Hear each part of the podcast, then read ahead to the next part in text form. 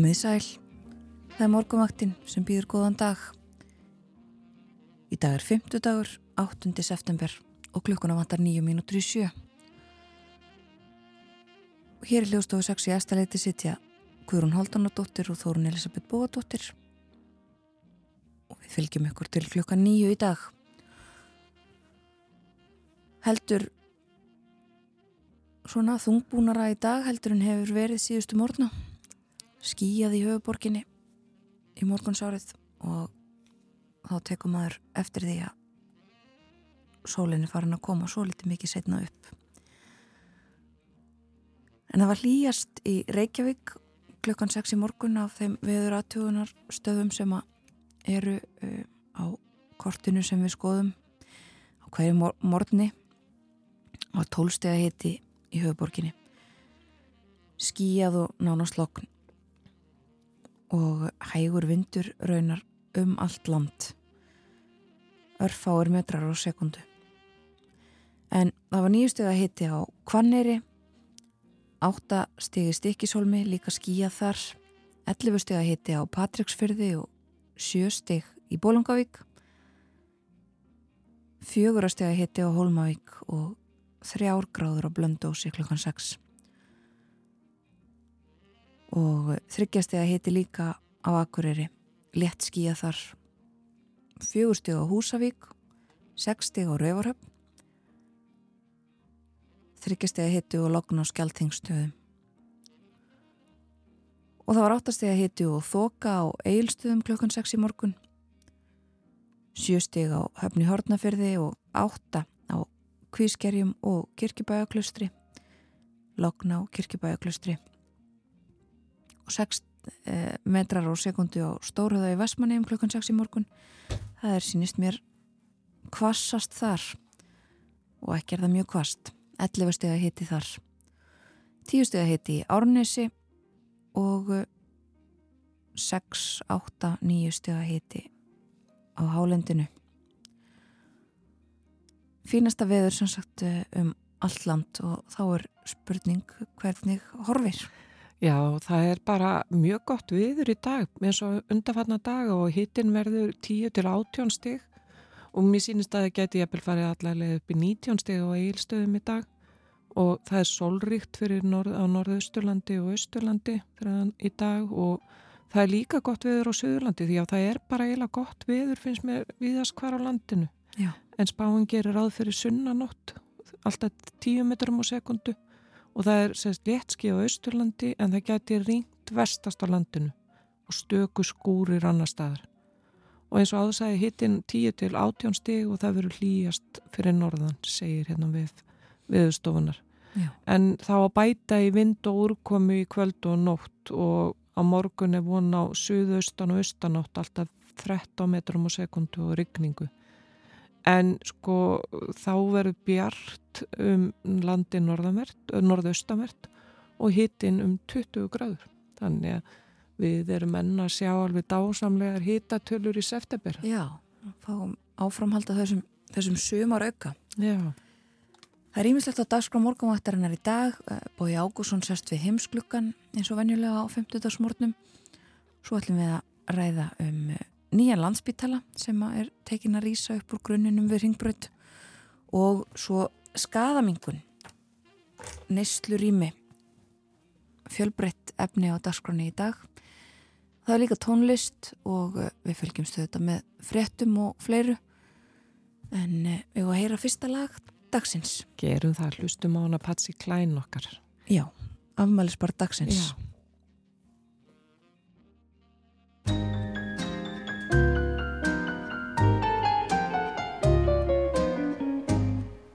Last night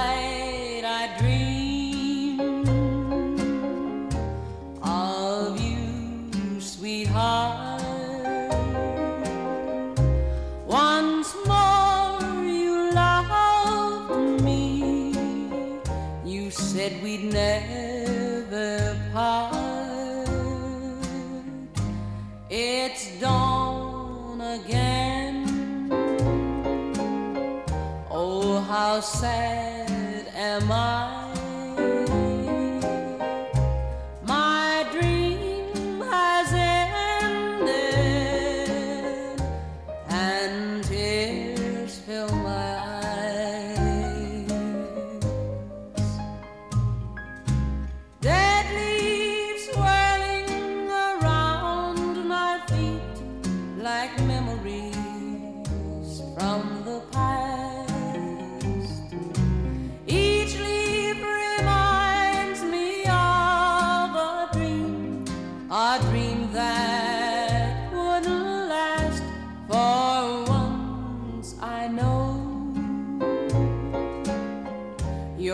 promise you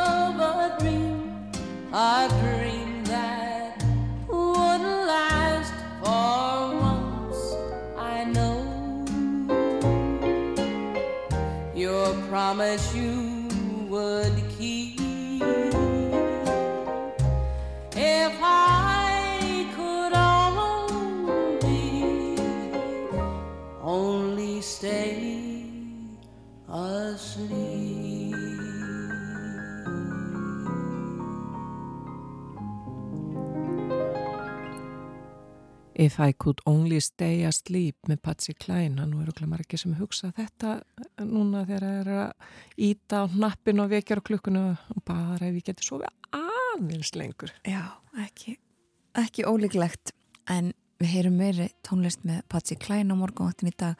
Hún hefði orðið nýrað í dag en nú komin tími til að leipa frettastofinni að. Frettir klukkan sjö og svo snúum við aftur hér á morgunvaktina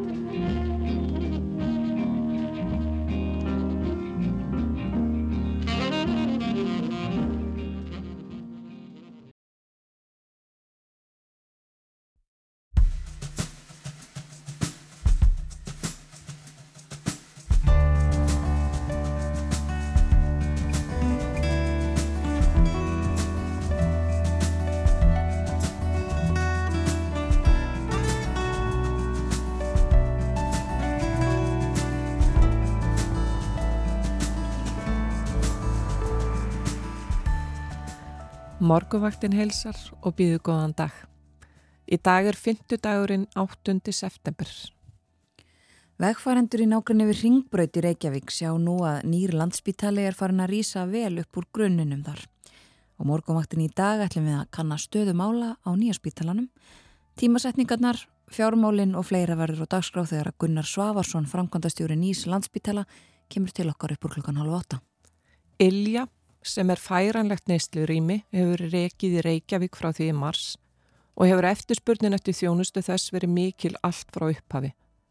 Slík rými hafa gefið góða raun við ælendis og auðvelda líf þeirra sem nota fíknefni í æð. Villimei Líf Fridriksdóttir og Þórhildu Marja Jónsdóttir starfa í hauli Ilju og þær verða með okkur eftir frétta yfir lit klukkan hálf nýju. Og Liz Truss er farin að sína á spilin og segja frá því sem hún ætlar að setja í forgang sem forsættisráð þeirra Breitlands. Hún er líka búin að skipa ríkistjórn þar sem nánast engöngu eru stuðningsmenn hennar við stjórnarborðið. Bói Ágússon sest við heimsklukkan eftir morgunfréttinnar klukkan átta og bresk stjórnmál verða þar á dasgrá á samt fleiru. Umsjónamenn morguvektarinnar eru Þórun Elisabeth Bóðardóttir og Guðrún Haldunadóttir.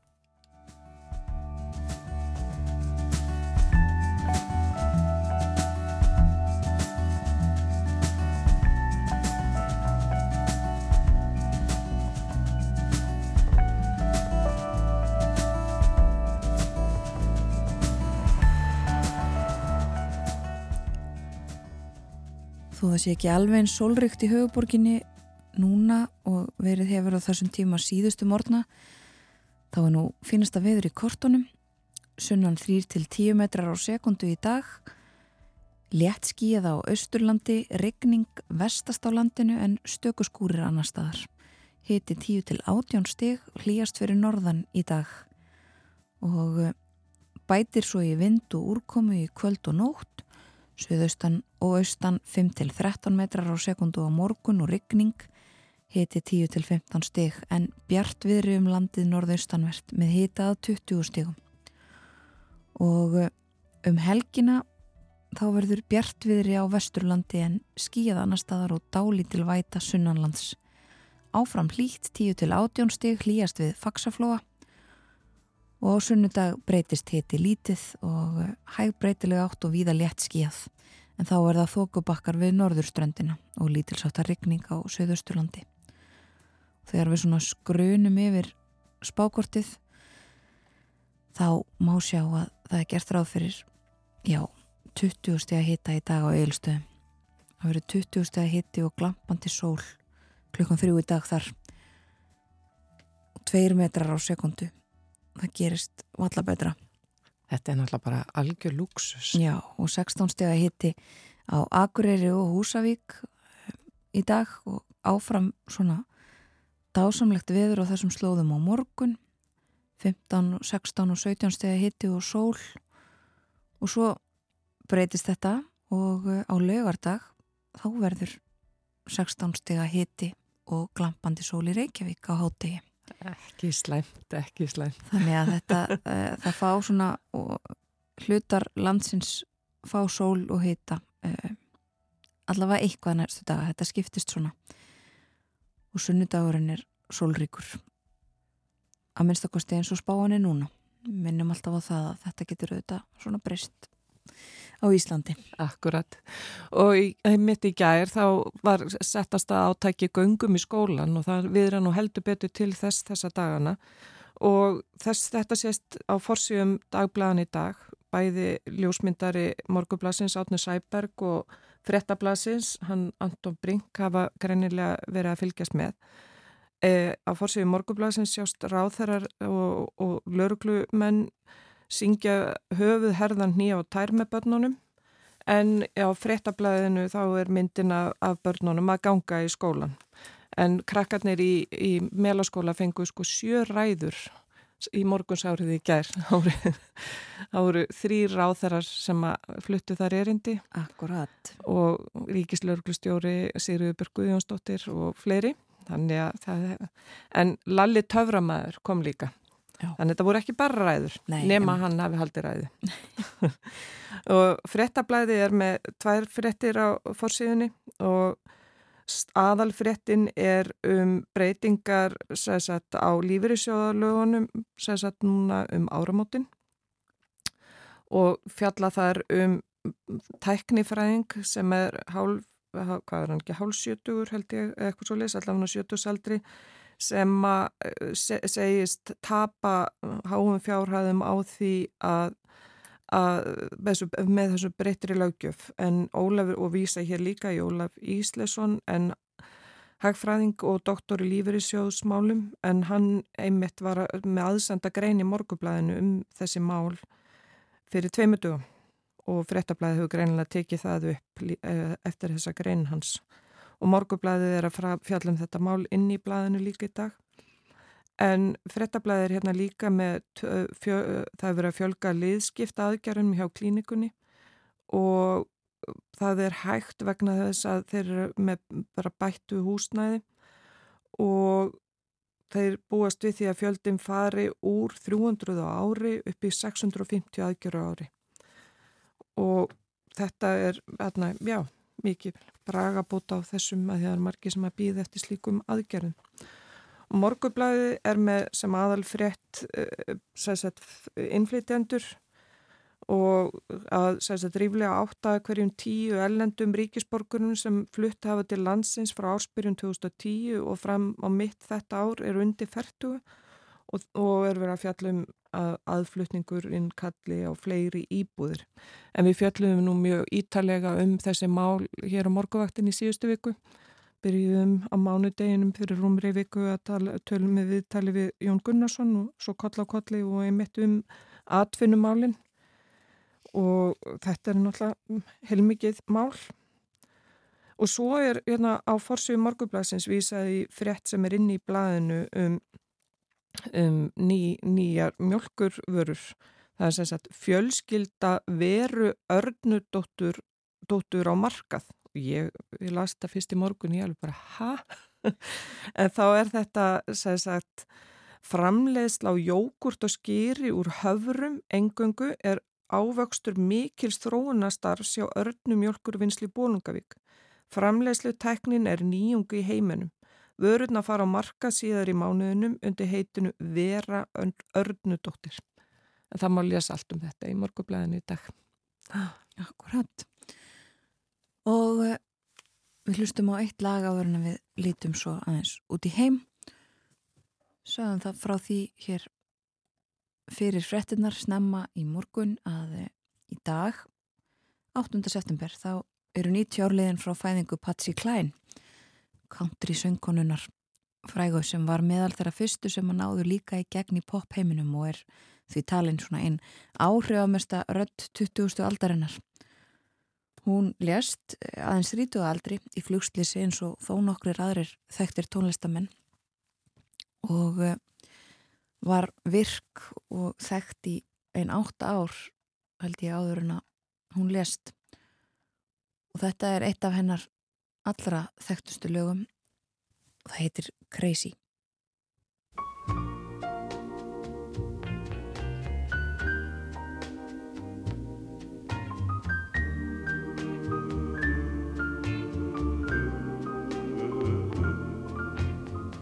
Crazy, I'm crazy for feeling so lonely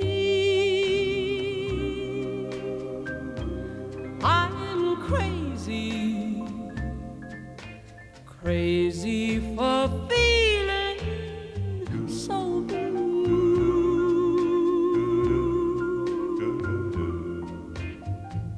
I knew you'd love me as long as you wanted.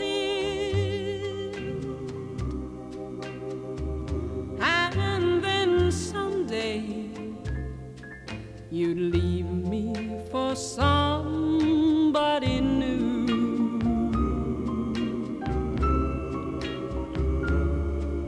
Worry, why do I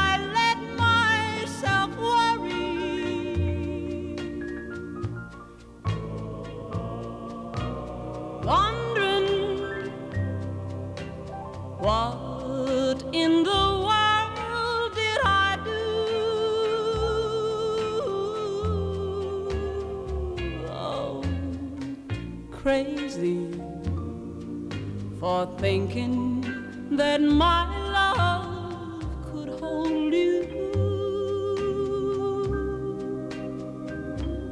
I'm crazy for trying and crazy for crying, and I'm crazy for loving you. Crazy for thinking that my love could hold you.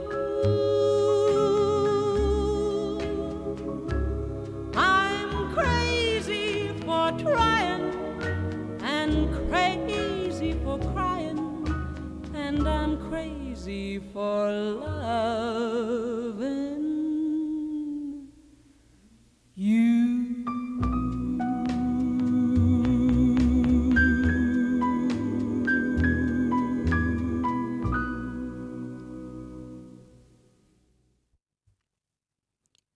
Patsy Klein og Crazy.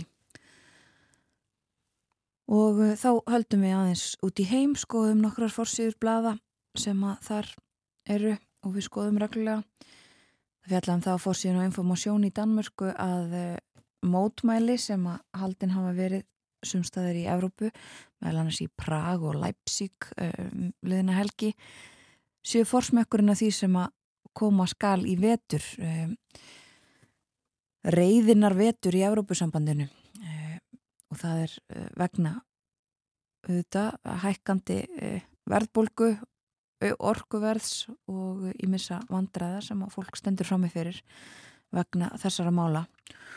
Og uh, þetta er sínilegt og þessi umræðu þetta gangi víðast hvarum Evrópu og meðal annars líka verða að tala um uh, þessi orkumál og Evrópusambandið á fórsíðun og New York Times þar segir að Evrópusambandið sé orðið handvist um að það geti komist hjá og forðast uh, orku krísu það sé búið að grýpa til e, þó nokkur aðgerða sapna upp gasi og fleiru og e, það sé svona aukin trú á það að það sé hægt að bjarga málunum. En aftur til Norðurlandana fór síðan á politíken fjallar áfram um heilbriðismól í Damörku það hefur verið fjallaðum þau nokkur skipti undanfarið og í dag segir í fórsíðu fyrirsögn á politíken að læknar sérfræðingar uh, þeir flýi frá ofinberum geðdildum uh, fyrir engageran. Einn af hverjum fimm læknum hafi þegar farið og næstum því helmingur þeirra sem eftir eru íhugi að hætta í ofinbera kerfinu og þetta er ekkert annað en stórslis fyrir viðkvæmustu sjúklingana segir í yfirlýsingu um þessi mál. Og uh, fórsýðu myndin uh, frá Svíþjóð í, á politíkan Danir líka svo litið með hugan við kostningarnar í Svíþjóð sem eru á sunnudaginn. Og uh, tala þar við bakara í Malmu og hann er á mynd fórsýðu myndinni. Það er ofbeldi, það eru fíknefni og nú hefur bakarinn í Malmu mist trúna á politíkinni, segir.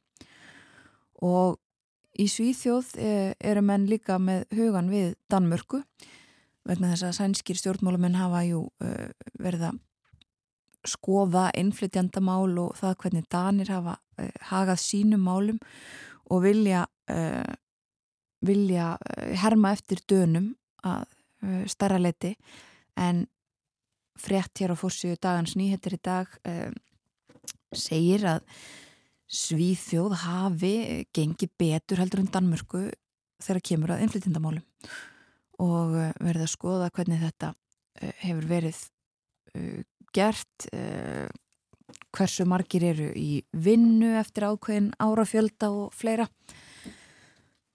Og niðurstaðan svo að svíjum hafi gengið betur heldur en dönum og önnu frétt á dagans nýheter sem er svipuð sem að uh, og það sem að verður að ræða í Danmörku í síðustu, í byrjun vikunar þá töluðum við um það að það væri uh, 500 miljónir danskra krónar sem hefði verið varið í aukavaktir á sjúkrahúsum í Danmörku. Og nú er verið að skoða þetta í Svíþjóð og uh, samanlagð yfirvinna á hjá hjúgrunafræðingum við fimm stærstu sjúkrahúsin í Svíþjóð árið 2001 og 2021 og 2020 samsvarar 450 heilsárstörfum. Það er svakalega uh, sagt, líka mikið um aukavinnu, aukavaktir og uh, rætt við hjógrunafræðinga og salgrenska í Gautaborg sem segir ef við vinnum ekki aukavinnu uh, þá bara gerist ekki neitt, þá er ekki hægt að halda þessu úti. Þetta er sama sagan í heilbriðis, í rauninni bara fréttinnar allar. Það eru, það er verbulga, það er orkumálinn, það, er, það eru heilbriðismálinn, það er fólk að flóta, Já. það eru all, all þessu sömu mál og eru hér á landi. Akkurat, mjög svipuð stef.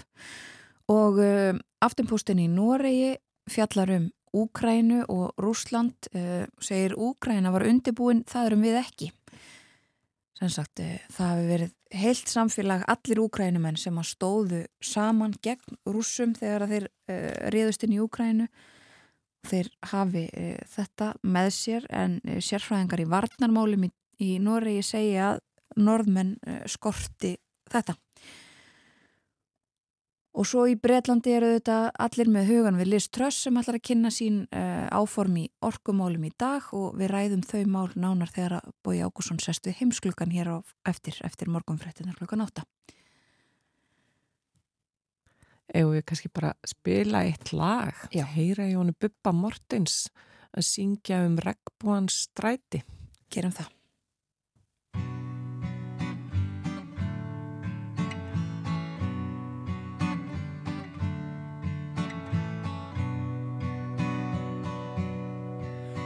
Það er sannleikur í lífinu menn ljúa Frá hæskunni á vængjum vonar fljúa Það er í eðli sem rá ístu brúna standa. Fyrst þá sem þeim finnist þeir anda. Gefast aldrei upp þó óttinn þeim mæti Í hlýðar götum frá regnbógan stræti.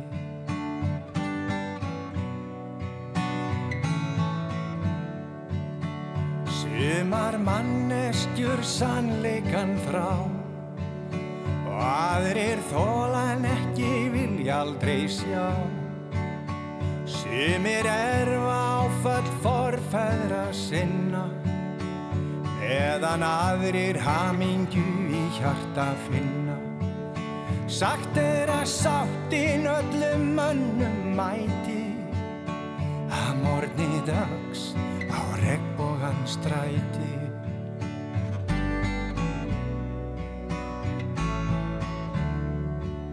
Sýndu mér ást í fangi blára daga.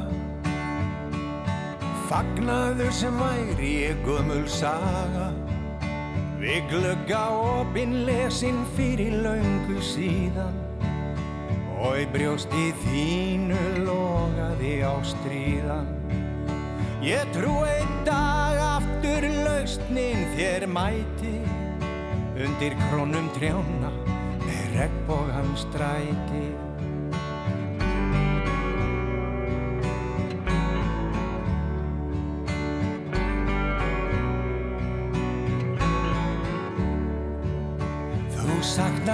elsins á einhvert skrítinn máta. Augu þín brosa en hjartað er að gráta. Þó svo lífið faldi leindarmál þín Og öskur sásaukans í hlustum ykkar hvín. Veit ég að réttlætið mun stíga niður fæti og tala máli þín á regnbógan stræti.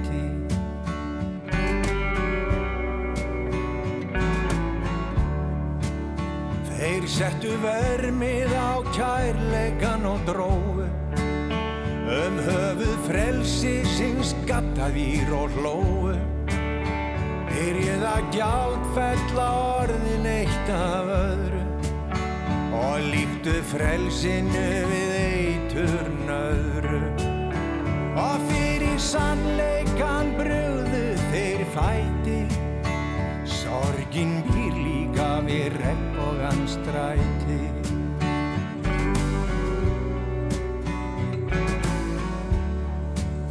Stanslaust hungur áfram veginn okkur ekkur Rútínu þjáning þreytt tauga kerfið skekur.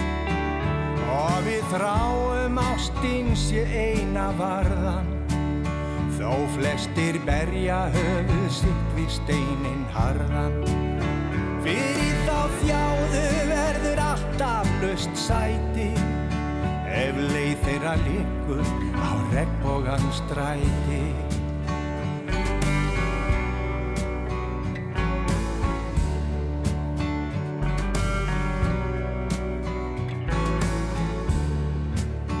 Allar óskir regnbógans ávalt býða Eftir þeim sem þurftu sársaukan að líða. Ást þeir er minnisvarði mildi vinnur minn. Um þá menn sem tóku öll höggin á sína kinn. Á seiðis fyrðum nótt léttir á fæti. Máluðu nokkri strákar regnbógan stræti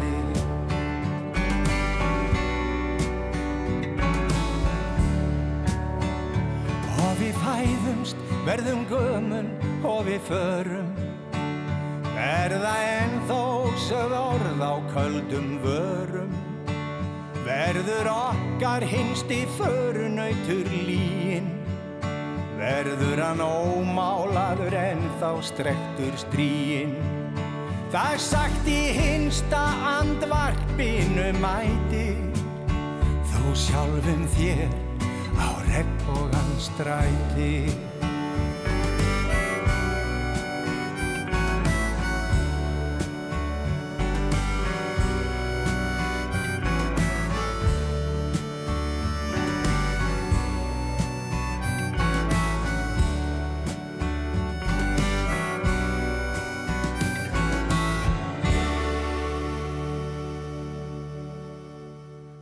og þetta var regnbóðan stræti með Bubba Mortens en við förum nú að leipa bara fréttastofunni að með fréttauglit og komum svo inn aftur um með Gunnar í Svafasinni. Já, hann er að koma sér fyrir hérna hjá okkur og ræðum við hann um nýja landsbítala sem er tekin að rýsa við ringbrödd.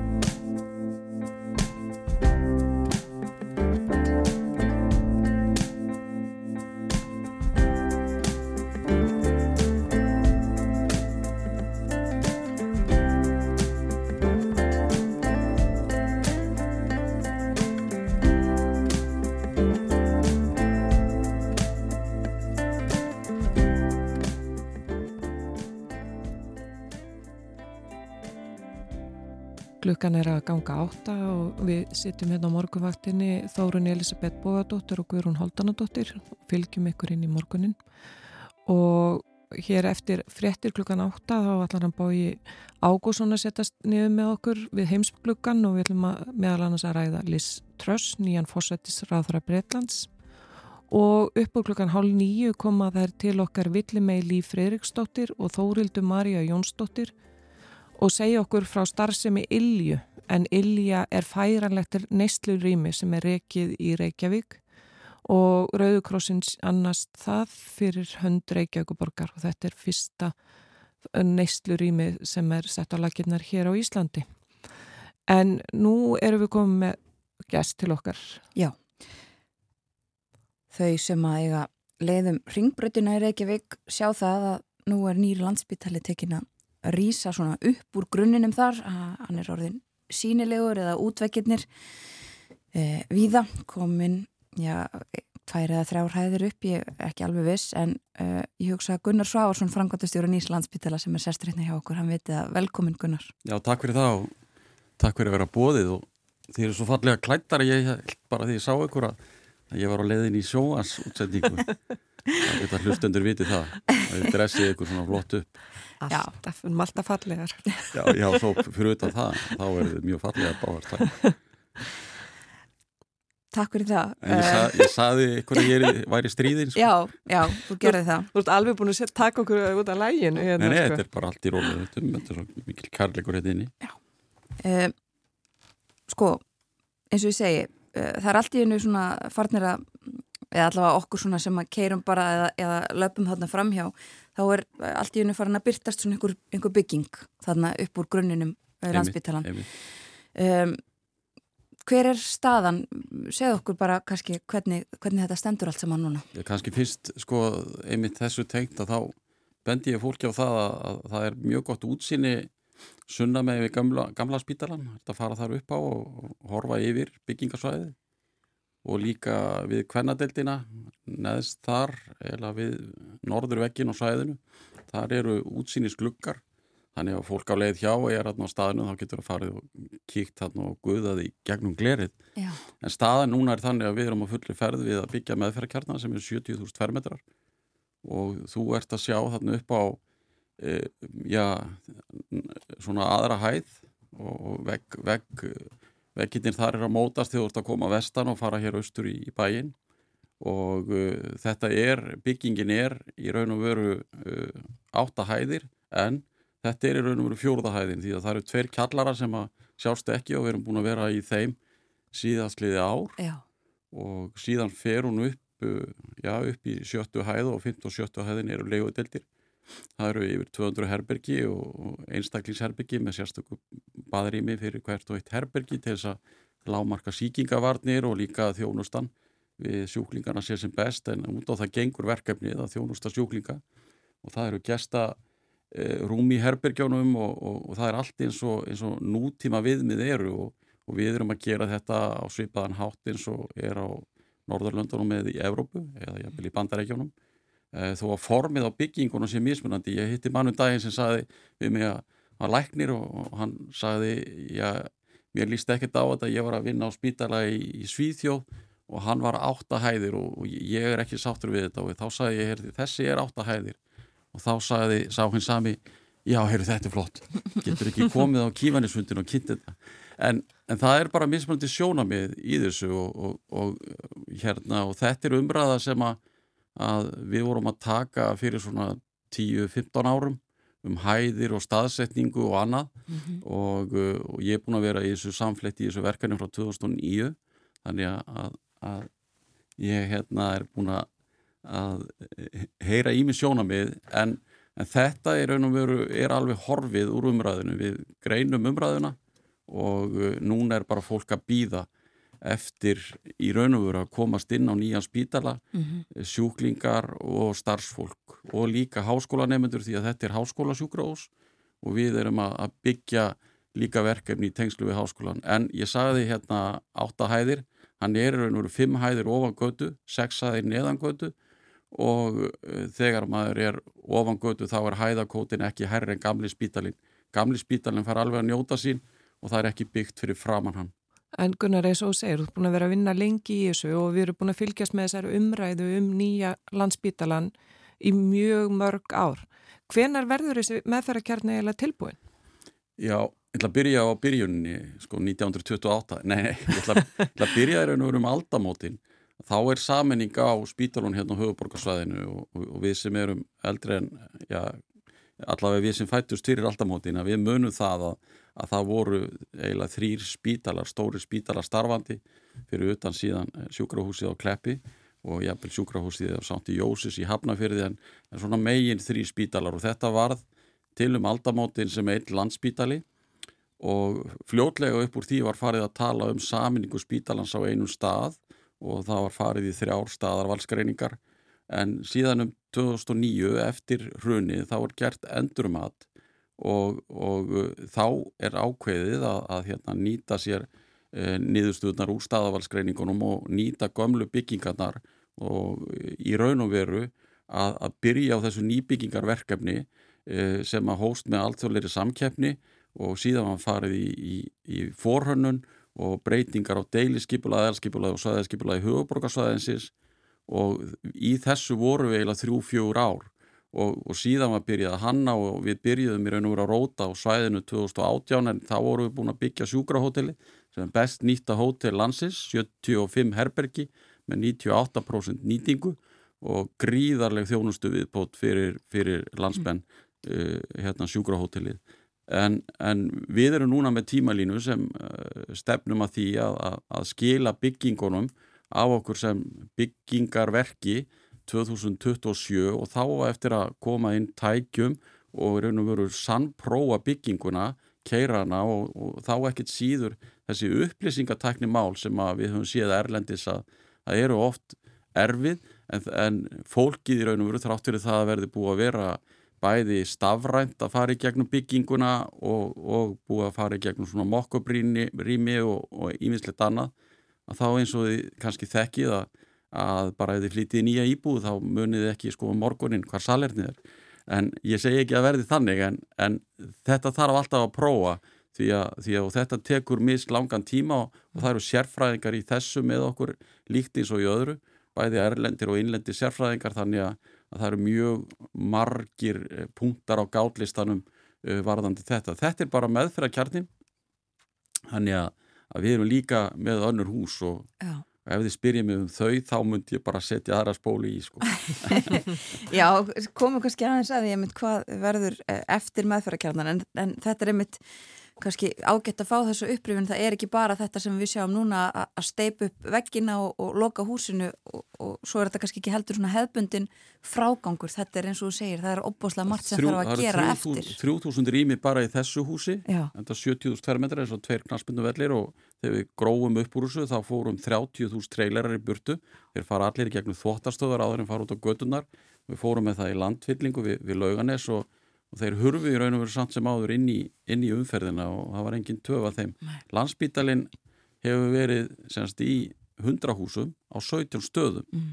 og þetta verkefni, ég, ég nefni það ofta að, að, að þetta er í raun og veru svona ígildi staðadar frá 21, þetta er þjætting byggðar, það verið að ná uh, betri uh, nýtingu á innviðina, á stoppkerfin og ná að nýta lóðina betur og ef þið sæðið gamla loftmynd e, frá 2010 þá sjáu þið hvað þessi lóð var gríðarlega illa nýtt. Já.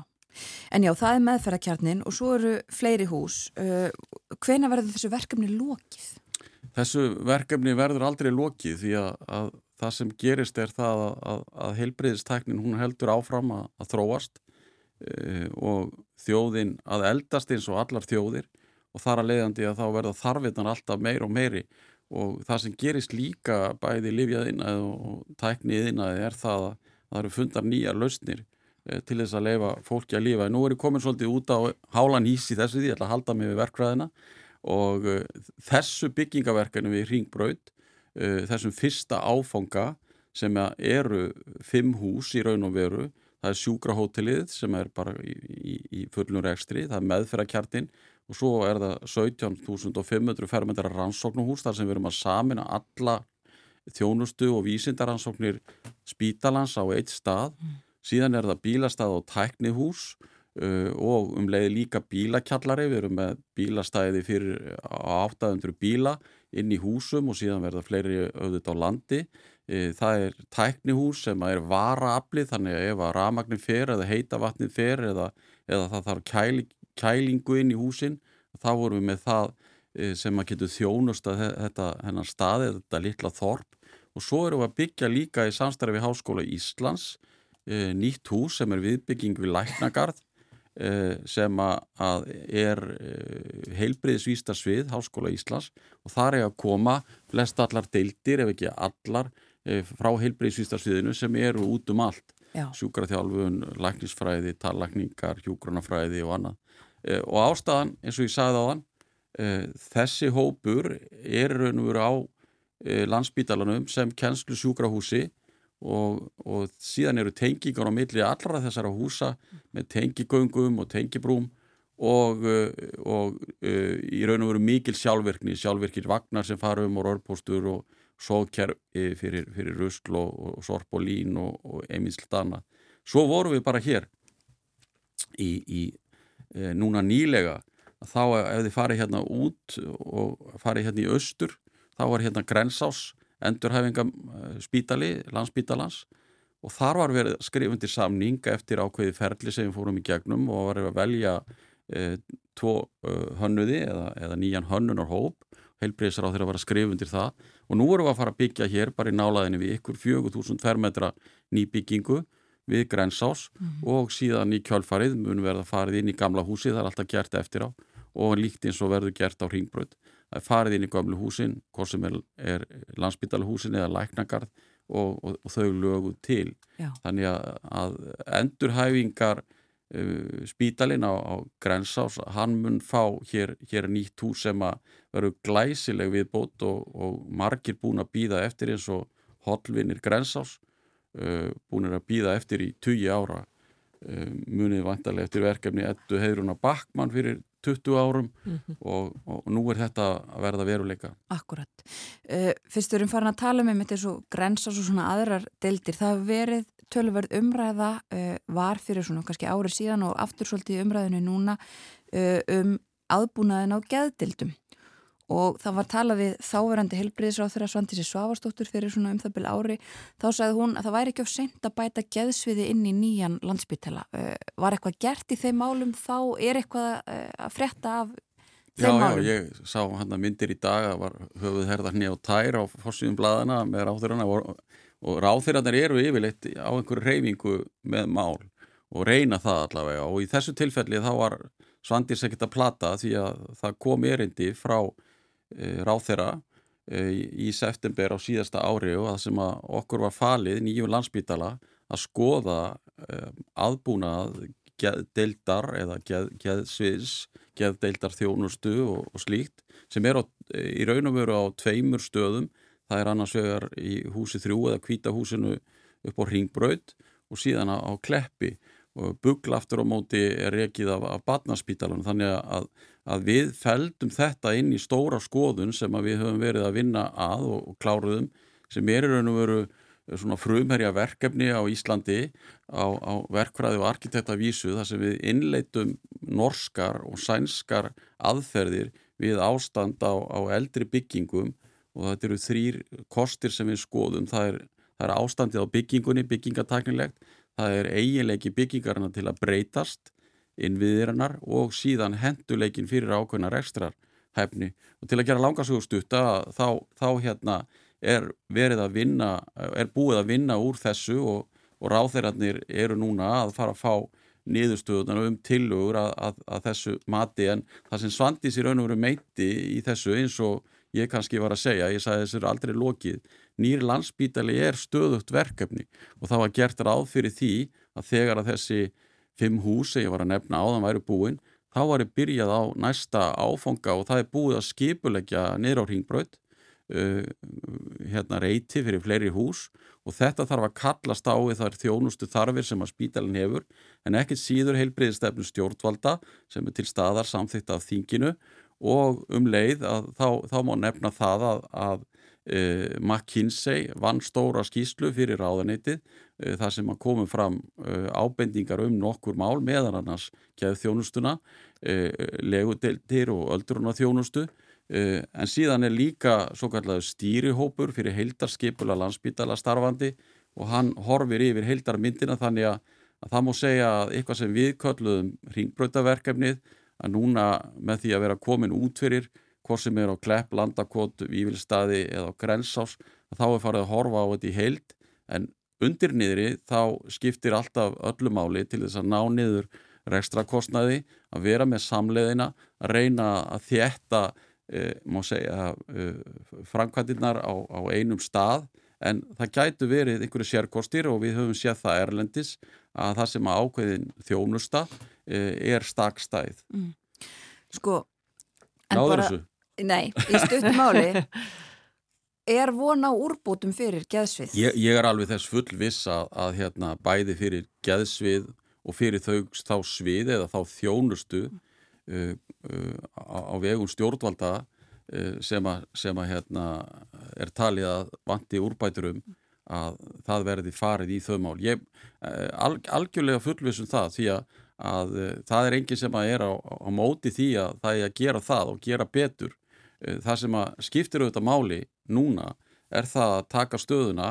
Við þekkjum innviði bygginguna, hvað er hægt að breyta og svo koma fram önnur sjónarmið, til að mynda meðferðar sjónarmið og, hérna, og saman þarf þetta hellast í einn pott og við þurfum að leita til fremstu sérfræðinga til þess að skoða þetta og síðan verður bara haldið áfram og, tekið þá, þá næsta. Og síðan, síðan má þetta ekki gleyma því að það er alltaf alþingi sem að útlutar þannig að, að ég hef síðan það í þessu verkefni uh, að uh, í raun og veru, ég hef sagt sko, ég er búin að vinna með tug, tugumar á þeirrum í þessu verkefni og hundruðum af þingmönnum og alla jafna þá er eiginlega engin á mótið þessu það er gríðarlegur vilji til að gera betur og, og sama í hvaða flokkið ert. En Gunnar, er þetta bara að gerast nógu hratt? Er, er spítalinn að byggjast nægilega hratt með að við það þarfi sem að eh, blasa við? Bæði, með eins og Þórunir spilnændi hérna á geðsviði, um, þú myndist á öldrunalækningar. Er, er við, eh, já, þetta er búið að taka langa tíma. Er þetta, er þetta ekki að taka of langa tíma? Já, sko, það má eiginlega segja það að við höfum verið gaggrind fyrir það annars vegar hvað þetta takir langa tíma og líka hvað þetta takir stuttan tíma og ég ætla að segja með, með langa tíman að undibúnist tímin ef við berum okkur sama við verkefni sem að við erum að skoða á Norðurlöndum og fylgjast með þessu undibúnist tími að hugsa það hvað á þetta vera breyta skipulæginu eða breyta svæðaskipulagi höfuborgarsvæðisins það fjall á jöfnum í kjósarrepp og það þurfti að endur taka atkvæðagreisluna það tóku margi mánuðir og það eru ekki að segja margar nefndir og annað sem að hafa verið að fara yfir. En frá því að við byrjuðum uh, að byggja að þá hafa erlendir aðeilar jafnvel gaggrínt okkur fyrir það að við séum að fara á hratt. Og við höfum nýlega fengið skýslu frá virtum uh, fyrirtæki í Oxford, Oxford Global Project sem, sem hafa nú fengið hérna uh, verðlun fyrir hérna sínar, sínar reikniðaferðir og þeir hafa sagt og benchmarkað okkur við önnu verkefni 2000 verkefni út um allan heim og sagt til þið Íslendingar þið allir að byggja þetta ofrætt og við erum í ljósi þess að endur með þetta hvar við erum að fara ofrætt og hvar við ætlum okkur. En, en síðan má ekki gleyma því að bara svona lítið ingripp sem er gríðarlega stórt, ég ætla ekki að gera, gera lítið úr því að innrásin í Úkrænu það hafði bara gríðarlega áhrif á okkur hér í Norður-Európu, í Európu og kannski um allan heim. Því það sem gerðist var það að ráuru verð og ráuru markaðir að þeir brustu mm. og það sem er að gerast núna og þið voru held ég að ræða það hérna upp úr blöðunum í morgun með rávorkuverðið og hvernig Európusamband er að taka á þessu og þó að rávorkuverðið sé gott á Íslandi eða samanburði við það að, að ég var nýli í Nóri á tveimur spítalum til að skoða byggingaverkarinn ekki inn á spítalanum Eh, og, og þar, þar var, voru verkfræðingar sem voru að segja mér það að, að þeir reyna helst ekki að fara í sturtu heima því að það kostar 700 krónur íslenskar. Þeir reyna að fara í sturtu í vinnunni. Við erum ekki þarna en við erum samt að upplifa það að ráarun okkar eh, hún er framleitt eh, af orkugjöfum erlendis og þarf að flytja hana hérna heim. Þannig þetta hefur, hefur allt áhrif og þar að leiðandi að, að þá í stóru myndinni að þá þurfum við bara að passa það að tryggja okkur líka efni. Það er þannig að, við fundum fyrir því að, að Ísland er stundum alltaf svolítið lítið og, og, og, og eins einsamall aðili á markaði þú veist að við erum ekki að kaupa mikið Og að því hún nefnir þetta mitt, uh, sko, hafa þá orðið miklar tafir og hvað með uh, kostnaðin? Hefur hann aukist mikið vegna þess að uh, þetta hefur allt hækkað í verði, kannski síðustu mánuði? Allt sem þið eruð að kaupin eða hvað? Já, það hafa nú ekki orðið sem betur fer hjá verktakanum Tavir, þessum verktaka sem er stóra verktaka sem er að vinna núna, hann Nei. hefur staðið sig og það er eitt og þeir hafa staðið sig frábærlega vel í, í samverðinu við sína undirverktaka. Við erum með marga stóra undirverktaka og efnissala, staðið sig frábærlega í því að reyna að finna bestulausnir og, og það er alveg opin bók með það, gagvart okkur Uh, og það er þannig í svona samningum ef það verða ófyrirsjárleg atvik bara eins og jarðskjáltar og í þessu tilfelli var svona óbent jarðskjált á markaði og þetta gerist líka úti og þau voru að segja mér frá því þau, þau út í Nóri að þau, þau hérna, þurfa líka að glíma við þetta. Og þá er það þannig að, að í samningum að verktakinn þarf ekki að bera viðbútar kostnaðin og þar að leiðandi að þá hækkaði efnisverðið Og, og, hérna, og þetta eru bara hlutir sem eru allir opnir fyrir, fyrir öllum og, og tilkynntir í samræmi við, við lög og reglur. Eh, en, en í raun og veru að, að, að það má kannski segja það í öllum þessum verkum að þá eru við að gera ráð fyrir ófyrir síðan kostnaði.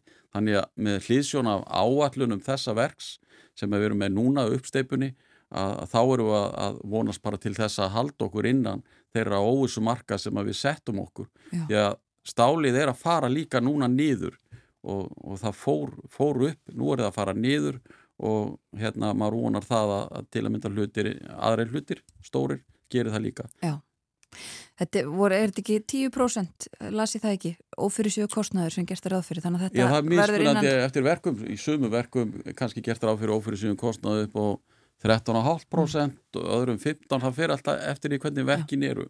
Og, og það, má, það má segja það að, að, að á einhverju tímapunkti hvað sem það verið 2020 nei 30, ég er, við erum í 22 núna, ég var allt í einu bara komin tilbaka já, COVID árið og já, heyrðu en 2030-40 við gerum alltaf skilamatt við berum alltaf sama við áallanir við reiknum þetta upp. En það er líka eitt sem að, sem að bara allir eru auðvitað að finna fyrir út af því að við erum að vinna í svona verðtryggingu að, að við erum með samninga sem eru, sem eru tengdir eh, byggingavístölni og hún hefur verið á fullri ferð undanfarna uh, mánuði og, og búin að hækka í raun og veru innan árs á, á 10%. Já, en þetta er ennþá innan, innan marka. Já, þetta, sko, þá, þá förum við í það sem þið voru að spyrja á þann að, að innan marka verkefni er alltaf að lengjast og stækka og verða meira og meira. Já. Við komumst ekki lengra, við erum búin að hvert sprengja tíman. Takk fyrir að koma til okkar á morgun. Takk fyrir það.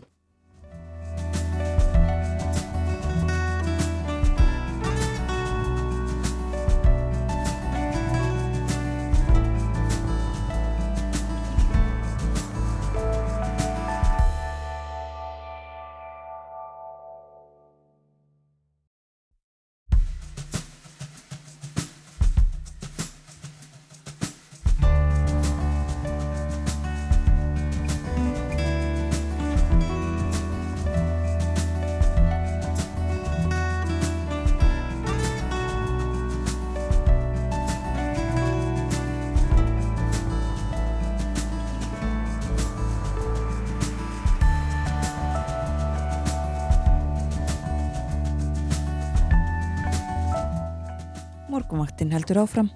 Klukkan 6 mínútur gengin í nýju og það er 50 dagur og það þýðir að til okkar er komin Bói Ágússon, góðan dag. Góðan dag, Guðrún og Þórun Hefur ekki bara dempa okkur strax í þetta? Við ætlum að ræða margt á ekkert óbúslega lengum tíma. Við ætlum að byrja í Sáti Arabíu Já, við ætlum að reyna að ræða margt. Já. Við ætlum að byrja í Sáti Arabíu. Við töluðum um daginn um mjög harðan dóm sem að kona fekk fyrir að hafa endur týst uh, og verið sagt, með, verið í hóp uh, anstæðinga stjórnar Sáti-Arabíu. Hún fekk 34 ára dóm. Núna er, uh, þetta var stúrka eða kona sem við, eða var við doktorsnámi í Lýtsháskóla, kom heim í frí og var handtekinn. Núna hafa þeir bættum betur þetta var greinlega ekki nóg. Því að Núra Al-Katani sem er tefnilega 50, 5 barnamóðir eitt, 5 dætra hún á 5 dætur um, og einn þeirra mun, mun fölluð um, og þessi kona Núra Al-Katani á við heilbreyðis vandamálastíð það breyti því ekki að Sáti Arabar dæmdi hana í 45 ára fangelsi fyrir sama, sama glæp Hún er dæmt fyrir að flekka Mohammed bin Salman krónprins og Salman konung og einnig fyrir að taka þátt í aðtöfn til að grafa, sem á að grafa undan öryggi og stöðuleika ríkisins og fyrir að hafa list stuðningi við fólk sem hefur að markmið að veikja konungdæmið og fylgja þeim á YouTube. Um, sko Hún er líka dæmt fyrir að hafa lítilsvist tákn ríkisins, hafa farið fram á að handteki fólkirði leist úr haldi og síðan að hindra rannsóknina með því að eidilegja og fela farsíma sem hún hefði notað við glæp sína. Svo hún dæmt fyrir að bannaða bók. Þetta í Sáti Arabíu er 45 ára fangilsistómsvildi og svo fær hún skulum taka fram, hún er tefnilega 50 þannig að hún situr inni þannig að hún verður 95 ára gömul. Og þá tekur við 45 ára ferðabann. Mm, sko Sáti Arabar og, og, og stjórnandi ríkisins Mohammed bin Sultan eh, Salman, eh, krónprins hann hefur verið að reyna að breyta ímynd Sáti Arabíu það tekst seint mm. með slíkum aðgerðum. En samt sem áður er hann að funda einmitt með ráðamönnum út um allan heim. Hann var uh, með, funda með Joe Biden um Já. daginn, Erdogan hefur verið að funda Já, með honum og það verið stað eins og Khashoggi máli sé algjörlega glemt. Ég það allavega þegar að uh, knýjandi þörfur á ólíu að þá uh, eru menn tilbúinni til þess að ræða við þessa, við þessa skelvingar ógnarstjórn sem er í Sáti-Arabíu. Uh, þeir eru að reyna að kaupa sér einhvers konar góða ímynd með því að eigða morðfjár í íþrótta uh, viðburði og félög eins og við myndumst á þá keftuður einska úrvalsteitaliði Newcastle þeir hafa varið óhemmi fjár, fjármagni að koma upp uh, golfmótaröð og illu hilli að þá hafa margir af bestu golfmönnum heims tekið þátt í, í, þessu. Greg Norman, Sergio Garcia Dustin Johnson Bubba Watson, Phil Mickelson Lee Westwood og svo Henrik Stenson, Svíin sem að, við verðum bara að segja að lýsa yfir þeirri skoðun hafa fínt að hann var sviftur uh, tegninni sem fyrirliði Ryder Cup, uh, uh, Evrópu þegar þetta fréttist. Og þessir menn uh, eru eiginlega gerðir útlægir úr uh, golfheiminum að, miklu leiti Tiger Woods neitaði uh, þó það væri sko held ég 850 miljóni dólar sem honum var búið. Þetta eru sko svímandi upphæðir. Já, ef einhverju af þessum mönnum líst yfir já ég skal gera þetta en ég gef uh, peningana til góðgerðamálefna eða stjórnar anstæðinga í Suður Afríku eða mannréttindabaróttu þá hugsanlega væri hægt að skilja þetta. En, en, en, hrein peningagræðki manna sem eiga alveg nóga peningum fyrir. það bara, það er ekki hægt að, að bera virðingu fyrir uh, slíku fólki nei. Og við hefum einmitt rætt þetta síðan við rættum þetta síðastu þig við Kristján Sigurjónsson um ferðamálinn þegar það er líka verið að gera uh, reyna að laða ferðamenn til Sáti Arabíu. Einmitt.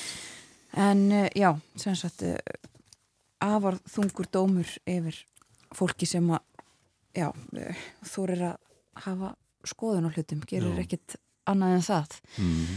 En við skulum við ræðum eflustum Sáti Arabíu aftur síðar uh, eða færa okkur til Bretlands. Já, skulum gera það. Það er náttúrulega vita það allir að í fyrir dag þá tók Liz Truss við fósættisáþræðinbættin af Boris Johnson og menn hafa verið bend á að það eru fáir sem hafa tekið við og uh, horfast í augum við jafnmikil vandamál en Liz Truss. Já, Eh. Sigrún Davistóttir hafði það eftir einhverjum uh, í fyrradag í spjalli við okkur að það hefði verið sagt að uh, það beðinar allt nema heimsendir. Já, já, við skulum að vona það að hún, hún sé ekki að horfast í augum við það. Um, Margaret Thatcher tók við á mjög erfiðum tímum sömulegðis uh, og Thatcher var að mörguleiti mikil byltingarkona. Hún var, uh, sem ég aldrei skuti kannski að segja um, um manneski sem var mjög hægri sinni, hún var byltingarkona.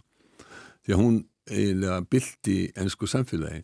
Í leiðara Economist í dag þá er verið að tala um það að eh, Liz Truss geti orðið byltingakona ef hún ræðst á svona helstu uh, hagsmunamál kjósenda sína.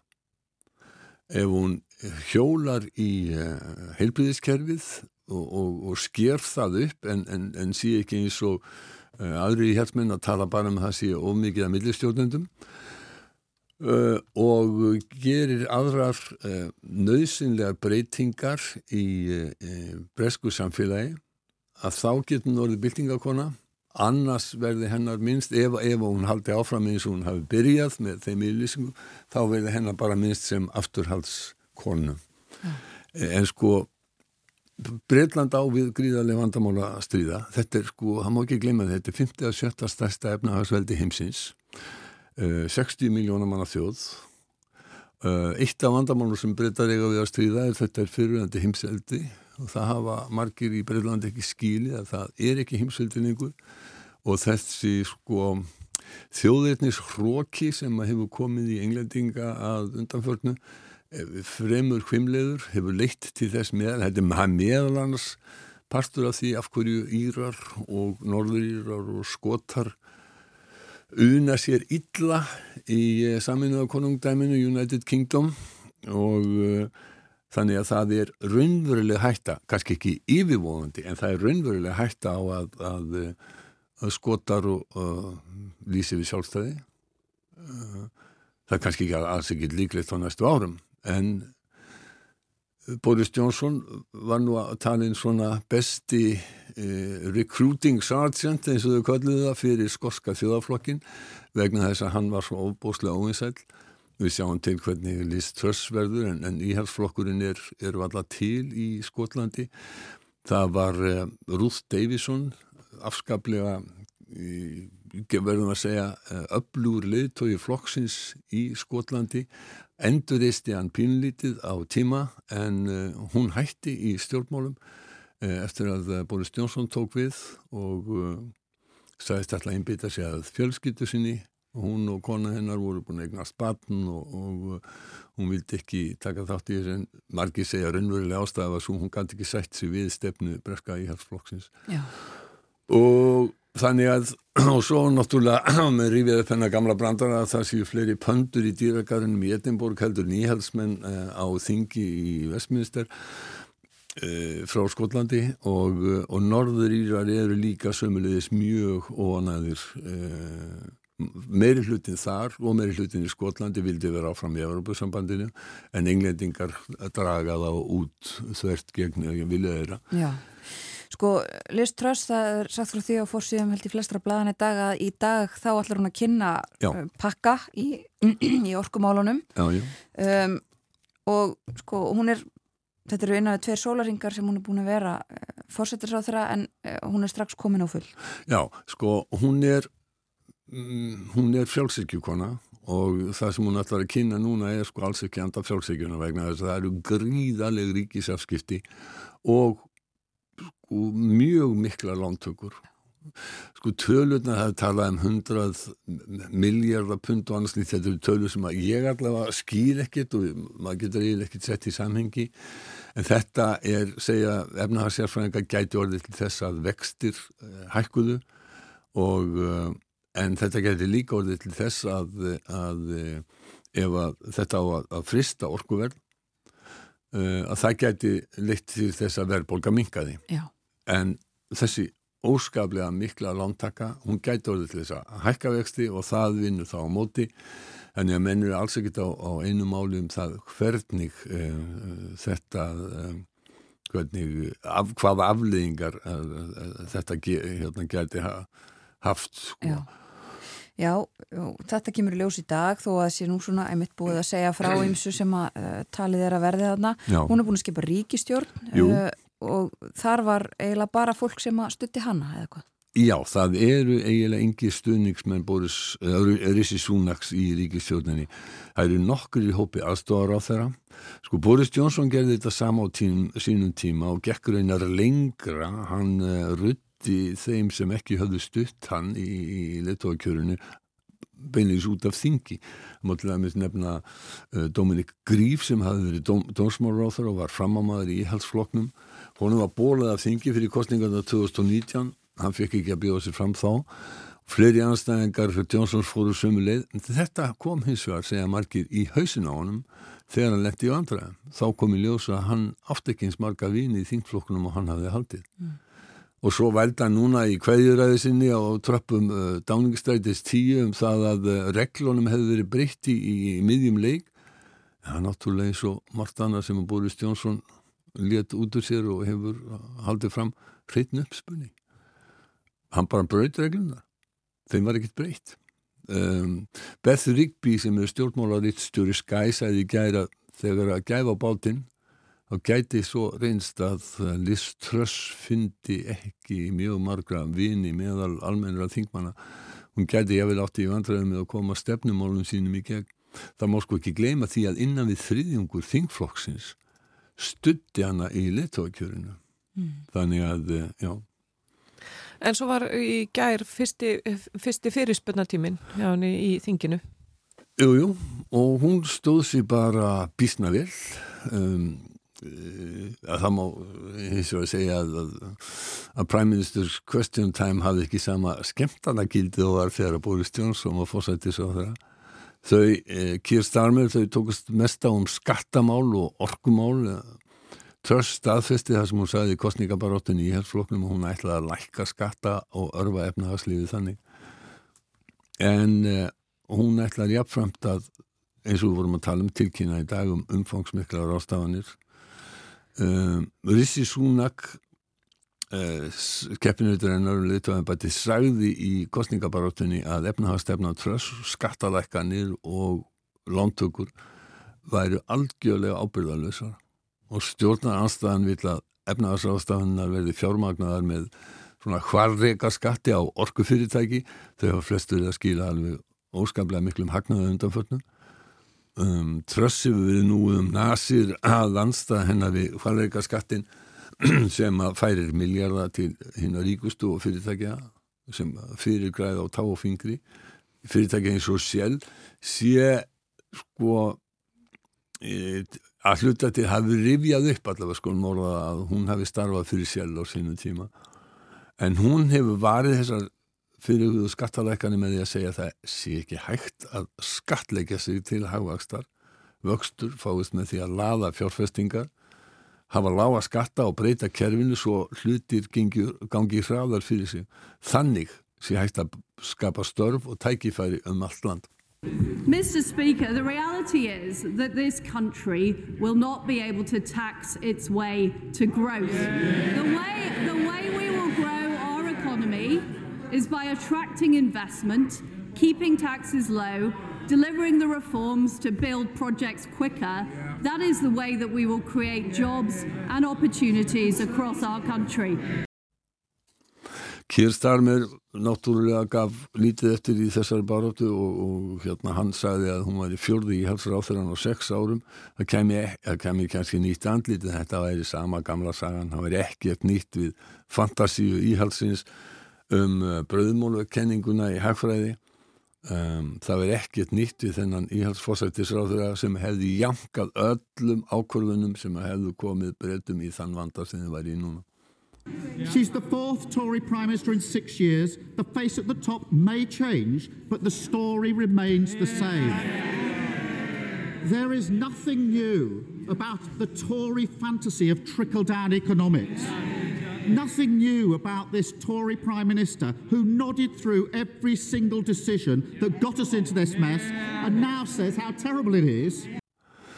Uh, þau tókust á um þetta svona fram og tilbaka um, en uh, með að þetta fyrsti fyrirspurnatími sem að það sem að hún þarf að standa fyrir sínu þá, þá hérna þá lítið hún ekkit vað á henni sem hún fekk eina, já hún fekk margar erfiða spurningar einn einn eh, getum við sagt sem að var hvað um, erfiðust kom frá Rachel Hopkins þingmanni í verkamannarflokksins í Luton, við skulum heyra í Hopkins The new Prime Minister tells us she will deliver on the NHS. Well, that's a turn up for the books because after 12 years of Conservatives driving our NHS into the ground, we have record waiting lists, people dying in ambulances outside A&E, and nurses using food banks. Yeah. So given the Prime Minister has served in the past three Conservative governments on that watch, can she explain why we should trust her to deliver?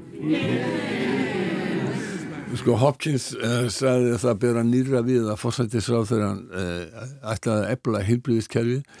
Íhalsflokkurinn hefði kert heilbríðiskerfið í þrótt á síðustu 12 árum. Byðlistar hefði aldrei verið lengri. Fólk væri að deyja í sjúkrabílum sem að væri að byða fyrir utan bráðamóttökur og kemist ekki að. Hjúkunarfræðingar er að nýta sér matarhjálp. Fórsættisráð þegar hefði verið í ríkistjórn í 12 ár. Hvernig væri hægt að treysta henni til þess að bæta ástandi? Mm. Sko, og hvernig svarði hún þessu? Já, þarna vel ég að segja að eh, þarna fannst mér hún uh, rökkva dáliti í svona flokkspolitískan bóriskan gýr getum við sagt vegna þess að hún í rauninni gæti ekki svara þessu öðruvísi heldur með því að beita gamal kunnu bræði og ráðast á fyrirspyrjanda.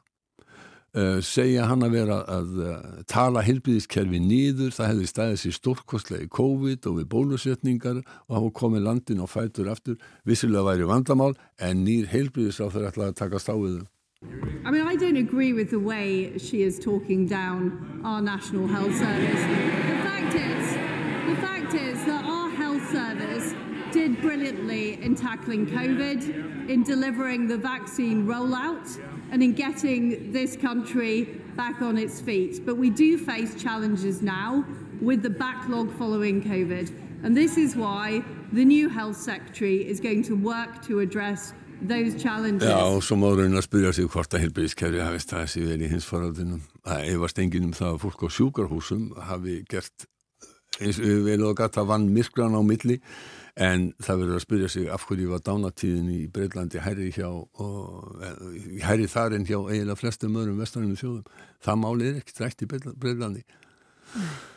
Örstut í lokinum stöðuna í skoðanakonunum í Svíþjóð. Já. Það eiginlega er nýfjamt og nýjasta konunin sem að, uh, var byrst í uh, gerðkvöld, hún sínir að vinstirflokkarnir með miðfloknum eru með 50,1% hægri flokkarnir 48,6% þetta er innan skekkimarka það er spáð því sem sagt að vinstirflokkarnir fá 177 þingsæti, hægri flokkarnir 172 Ég vil þó þetta færi svona, þá verður mjög erfitt fyrir Magdalenu Andersson að mynda nýja ríkistjórn vegna þess að vinstriflokkurinn og miðflokkurinn vil ekki vinna saman. Akkurat.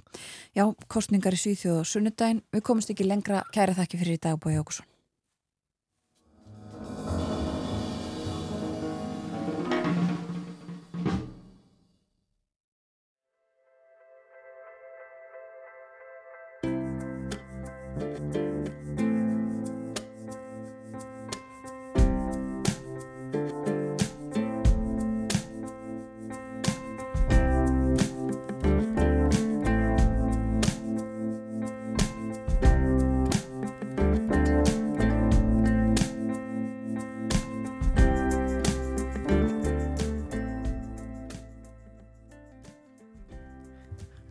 Þetta er morgunvaktin á rás 1 og það er 5. dagur 8. september og við höfum komið víða við þetta í morgun og eins og Bjarni Petur Jónsson nefndi hérna í frétta yfirlitinu klokkan hálf nýju þá hefur lífsk, eh, já, rakar lífskjörum fóks í heiminum en samkvæmt nýri lífskjara vísitölu þróunastofnunar saminuðu þjóðana þá er Sviss í efstasæti varandi lífskjör, Noregur í öðru sæti og Ísland í þriðasæti en þetta er, þessi list er byrtur á hverju ári og það er lagt mat á lífskeiði í 190 löndum.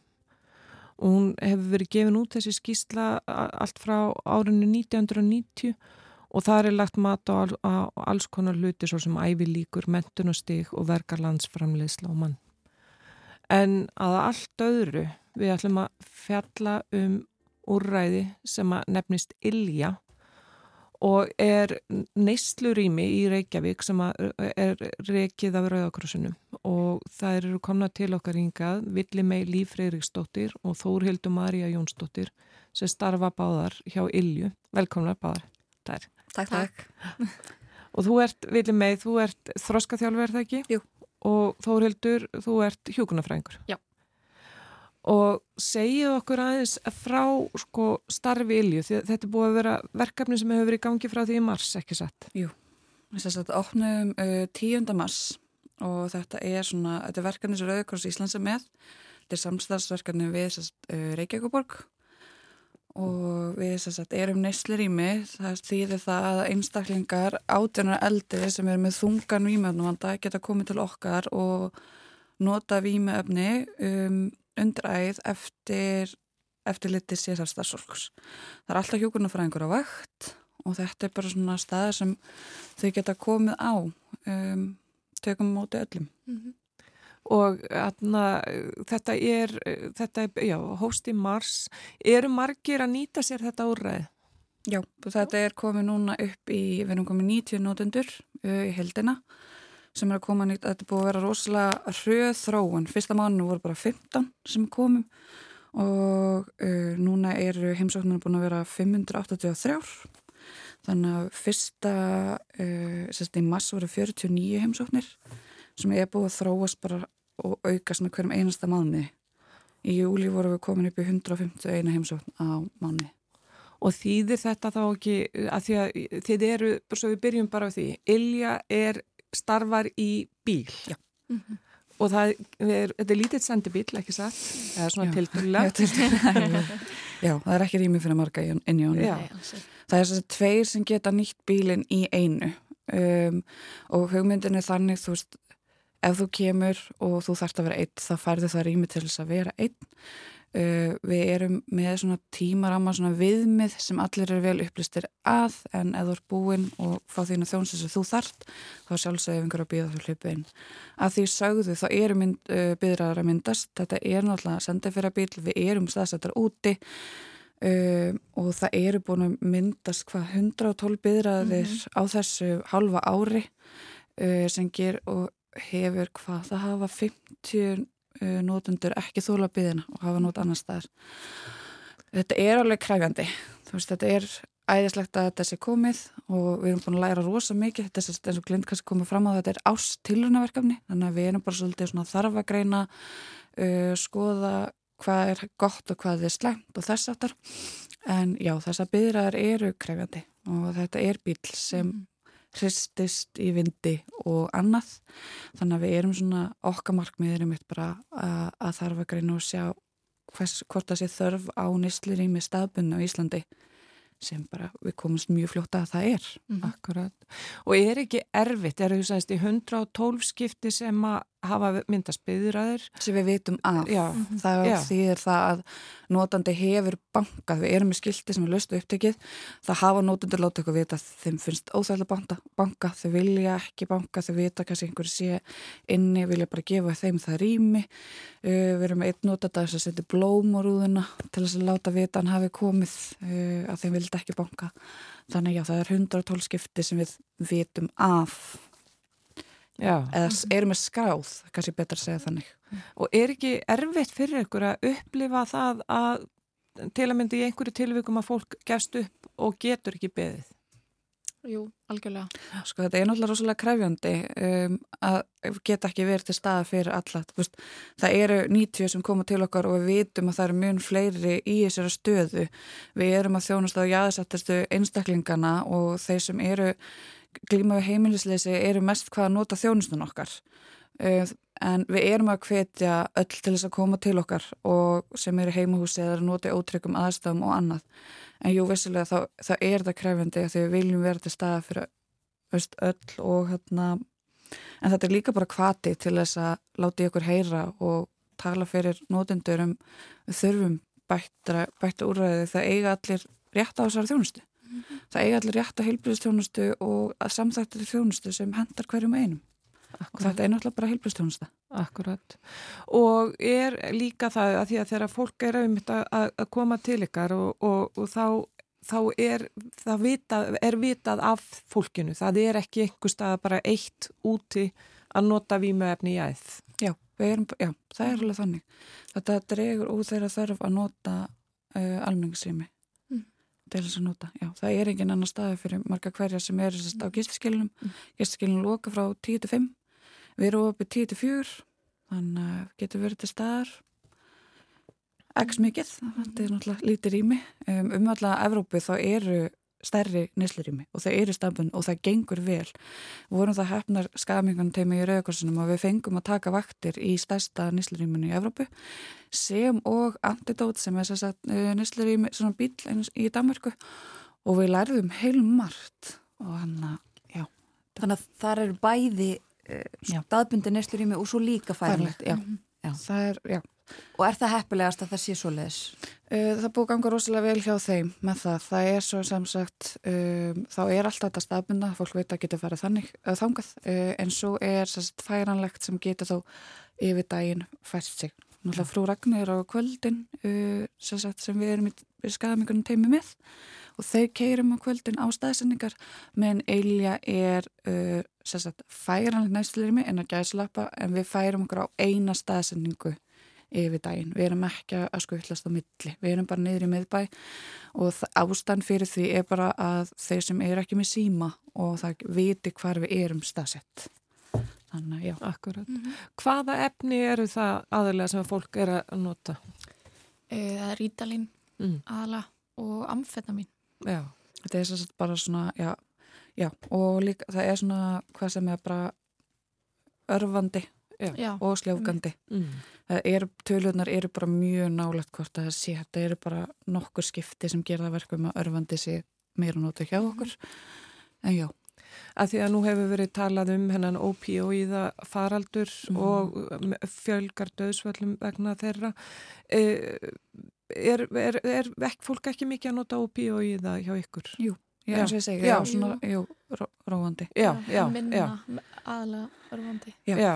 Mhm. Og eru þið þá með naloxon, þetta lif sem Mhm. að getur komið, bjarga, bara, er bara lífsbjörg ef Mhm. að fólk fæ, tekur of stóran skamt? Já. já, það er.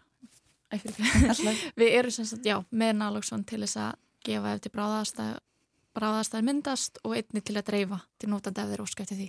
Já, já, við erum já. í þessu samstarfi við frú Ragni Mhm. og fengum það tækifærið þegar uh, frú Ragni fær þess að fjárveitingu í byrjun árs til þess að dreifa sér út. Þá nutum við ágáðan á því og núna náttúrulega er þetta að vera mjög aðgengilegra uh, eftir að reglunum voru breytar en við erum með þessa kennslu og notendur geta komið til okkar jæmt á í frú Ragni og fengi kennslu og eða fengi áfyllingu ef þau hafa notað. Og við höfum alveg fengið að vita það. Þau hafa notað og beða eftir fleiri Um, það hefur komið áskömmtun hjá okkur en við þurftum ekki að grípa til bráðatil. Það var nú bara endurlífgun. Já, Þannig að neyslinni með strax búin að sína sitt ágæti. akkurat. Og jafnvel þá getur fólk líka sem að er, er að nota vímefni í æð, það getur þá líka komið með jafnvel aðstandendur með sér og einmitt upp á að fá þessa fræðslu. Algjörlega. Algjörlega. Hvernig á að bregðast við? Mm -hmm. Við hvetjum þau líka til einmitt að taka samtali við fólki sem er nálægt sér og þau sem er að nota með sér. Af því að þú bjargar ekki sjálfum þér. Þú ert ekki með nálsonnir í veskinnin og bjargar sjálfum þér. Þú þarft að stóla á manneskunni hliðina. Og það er svona hvetjum þau sem eru ekki með tristan aðalega hliðin á sér eða eru bara einfallega einn að koma til okkar. Hvort að sé koma til okkar að hafa sambandi okkur gegnum síma. Við erum með svona Og nú stýttist í veturinn þótt að sé indislegt viður þessa dagana og það er þeir sem að koma eh, eins og þið sagðu hér á þann að þá eru flesti þeirra sem að koma til ykkar eru heimilis, er, er ekki með heimili Mm -hmm. og hvernig horfir veturinn fyrir þennan hóp? Uh, bara illa, mm -hmm. ef maður er hinskilin það er bara mjög illa, þú veist við, ef við setjum okkur bara í sér spór hvort það sem að sækja að fara inn í neslurím eða ekki, þá að það að vita þarfst að gera þér ferð eitthvert til að mögulega standi í röð. Og hvað þá þegar skýta kuldi blöytt og rók. Mm -hmm. það er ekki eitthvað sem okkur finnst vera aðlandi eða hillandi þóttu við hvetjum allir til þess að koma til okkar. Við erum uh, í rosalega góðu samtali og samstarfi við bókasafni í grófinni þau hefðu með þess að sambandi við eitthvað til þess að byrja með og bara að því að sest, hópur sem glýmið heimilisti er losa mikið hjá þeim og sest, erum staðsett þar fyrir utan og við bendum fólk oft bara að fara þar inn og við náum í þau og það er bara búið að myndast rosa gott samstarf við starfsfólkið þar og hérna bara frábært. Sem og hérna uh, hilsugjastlunni í, í miðbæ. Mm. öryggisverðin þar þannig að við erum bara þannig að þetta er að nýtast bæði nótundunum og næsafjönleginu Akkurat. Mm -hmm. Og eru þið með til og meins fatnað, hlýjan fatnað, svepppoka eða eitthvað svoleiðis? Já, við erum með húfi, vettlinga og sokka og svo erum við líka með svepppoka en það fer alltaf eftir bara frambúða hverju sinni. Við tristum svolítið mikið á að gafir frá fólki. Já, við getum ekki segjum kostnæðin við þessum svepppokanum, við erum að stóla á svepppoka og tjöld frá bara samfélaginu og sem úr líföld -hmm. uh, við reynum að vera með úlpur okkur þannig en svo getum við líka alltaf að tala við frúna. Mm. frúinni með bara við bara óendalega þakkláttar fyrir að vera í þessu teimi með frá regniði sko. Og við vitum líka ástæðan okkur að búa ganga svona svakalega vel er bara þetta tröst sem Rauðikrossinu frá Ragnir hefur gert uh, öll þessi ára unni með nótendum bara frá 2009 Akkurat. Og eins og, eins og þið sögðu þá er þetta tilrönd til einsás. Mm. Vitið þið eitthvað með framhaldi? Við erum bara ótrúlega björnsínar og við viljum ekki að öll þessi vinna og öll þessi gagnasöfnun fari í vaskin. Þannig að við erum bara að berjast fyrir því mm -hmm. með nótendum, þetta er bara, þú veist, þau kannski glemdum að fara fram á þetta, er náttúrulega bara verkefni sem nótendur eiga og við vinnum bara þarna og þannig er þess að við horfum á þetta. Þú veist, þau koma og þau koma öll þess að við gerum við viljum enda í húsi og það, það er bara þannig. Það eiga allir rétt á uh, mannsæmyndi þjónustu og það eiga allir rétt á að geta sótt sér heilbríðsþjónustu uh, í húsnæði. Þannig, Mhm. jú, Ilja er að gera rosalega góða hluti og við erum búin að læra rosa margt þaksi notundum og því samstarfi en við ætlum bara, ætlum ekki enda í húsi nei, enda í bíl, úps, við ætlum að enda í húsi En svo er einmitt eitt af því sem að hefur verið rætt í skadamingun er að fólk geti komið og fengið efni. Bara eins og við sáum að var meðal annars ta tala við notenda á ráðstefnunni í gær sem að var á vegu mattildar og uh, sem er skadamingunar úrræði að geta fengið þau efni sem hún þarf að nota til þess að bara komast í gegnum daginn og þannig sé hægt að koma í veg fyrir margvíslega aðra hluti eins og það glæpi. Mhm. Er þetta eitthvað sem að þið getur séð fyrir ykkur að myndi verða bóðið upp á í neslurými hér á Íslandi? Eh, þetta er gert um allan heim og já, þetta er náttúrulega bara eitt af þeim skrifum sem við erum að vinna að, við erum að vinna að þjónustu fyrir einstaklinga og þetta eru bara lif sem margir hverju þurfum að nota. Þannig að já þetta er, og ég mælu rosalega með þessu uh, viðtali við hann hörð. Þetta var bara ótrúlega flott. Þannig að já. Það viðtalir einmitt hægt að nálgast hér á vef rúf og það er einmitt þetta, það er þannig að, að með þessu að þá getur fólk sagt, eh, þá, þá, það dregur líkum á glæpum í samfélaginu og fólk hefur þannig meiri möguleika á mannsamandi lífi að verða í rauninni bara hluti af samfélaginu í stað þess að vera kannski útilokaður. Já, og líka taka fram, þú veist, þetta er allt í gert við samráða við lækni og manneskjan er í samtala við lækni um þetta allt, þannig að þetta, það er, já, þetta er bara svo fá lif. Akkurat. Þetta er bara það sem þau mörg hvað þurfa. En sko, svo við vikjum aftur af vitrunum, svona í lokin. Ef, sko, er bílinn sem að þið eru á gamla frú Ragnæðabílnum? Já. Og er, hvernig ástandi á honum? Herði, hann er búin að vera í viðgerð núna.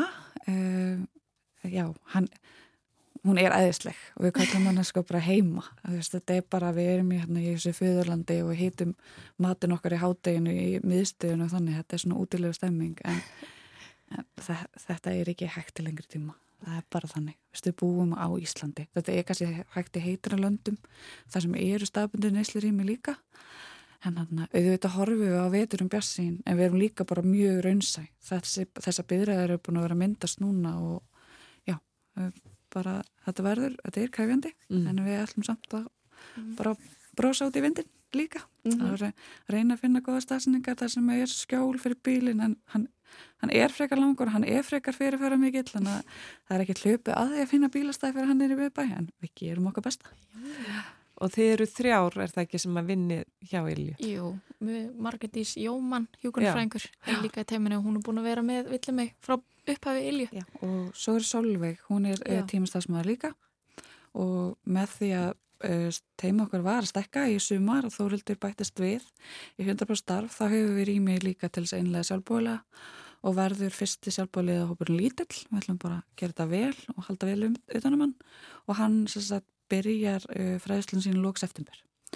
Þannig að teimið er svolítið mikið að stekka sem er bara frábært. Akkurat.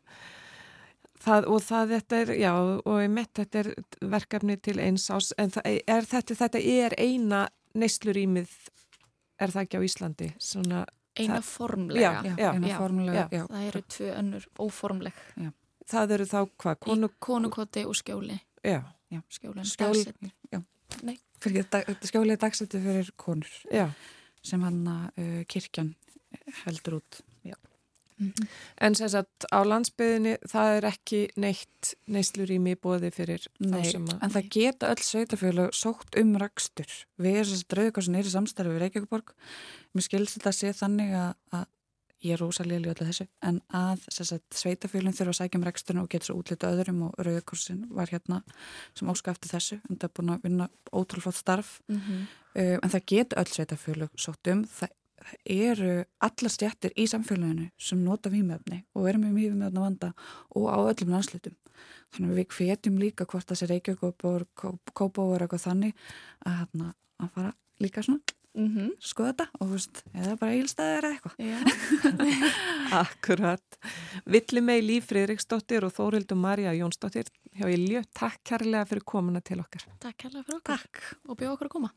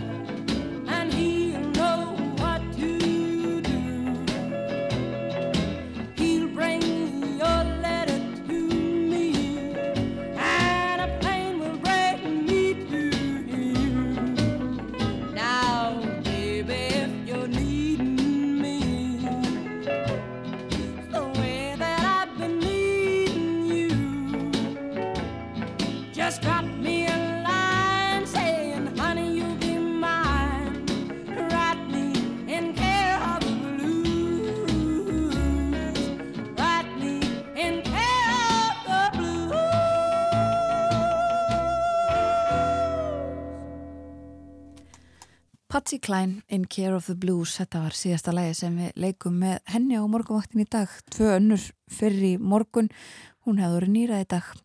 En þær eru farnar út frá okkur, villi með Líf Fredriksdóttir og Þórildur Marja Jónsdóttir hjá Ilju sem er færanlegt neyslurími í Reykjavík svoðu okkur frá uh, starfseminni þar og uh, vetrinum framundan og uh, fleiru.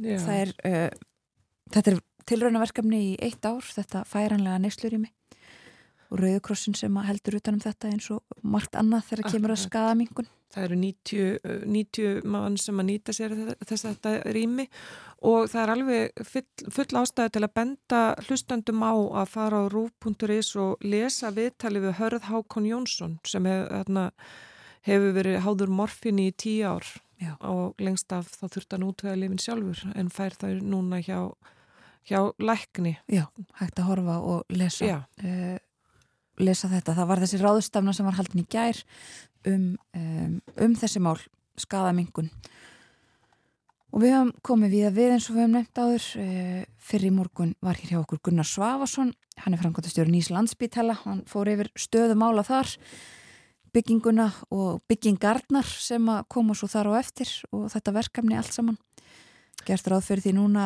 að þessum meðferðakjarnar sem verður að byggja verði skilað uh, árið 2027 Já og ímislegt sem maður þarf að gera áður en að það gerist bara að þótt að byggingin rísi þá er margt annað sem er þá eftir. Já, og flóknara kannski heldur en í flestum öðrum byggingum.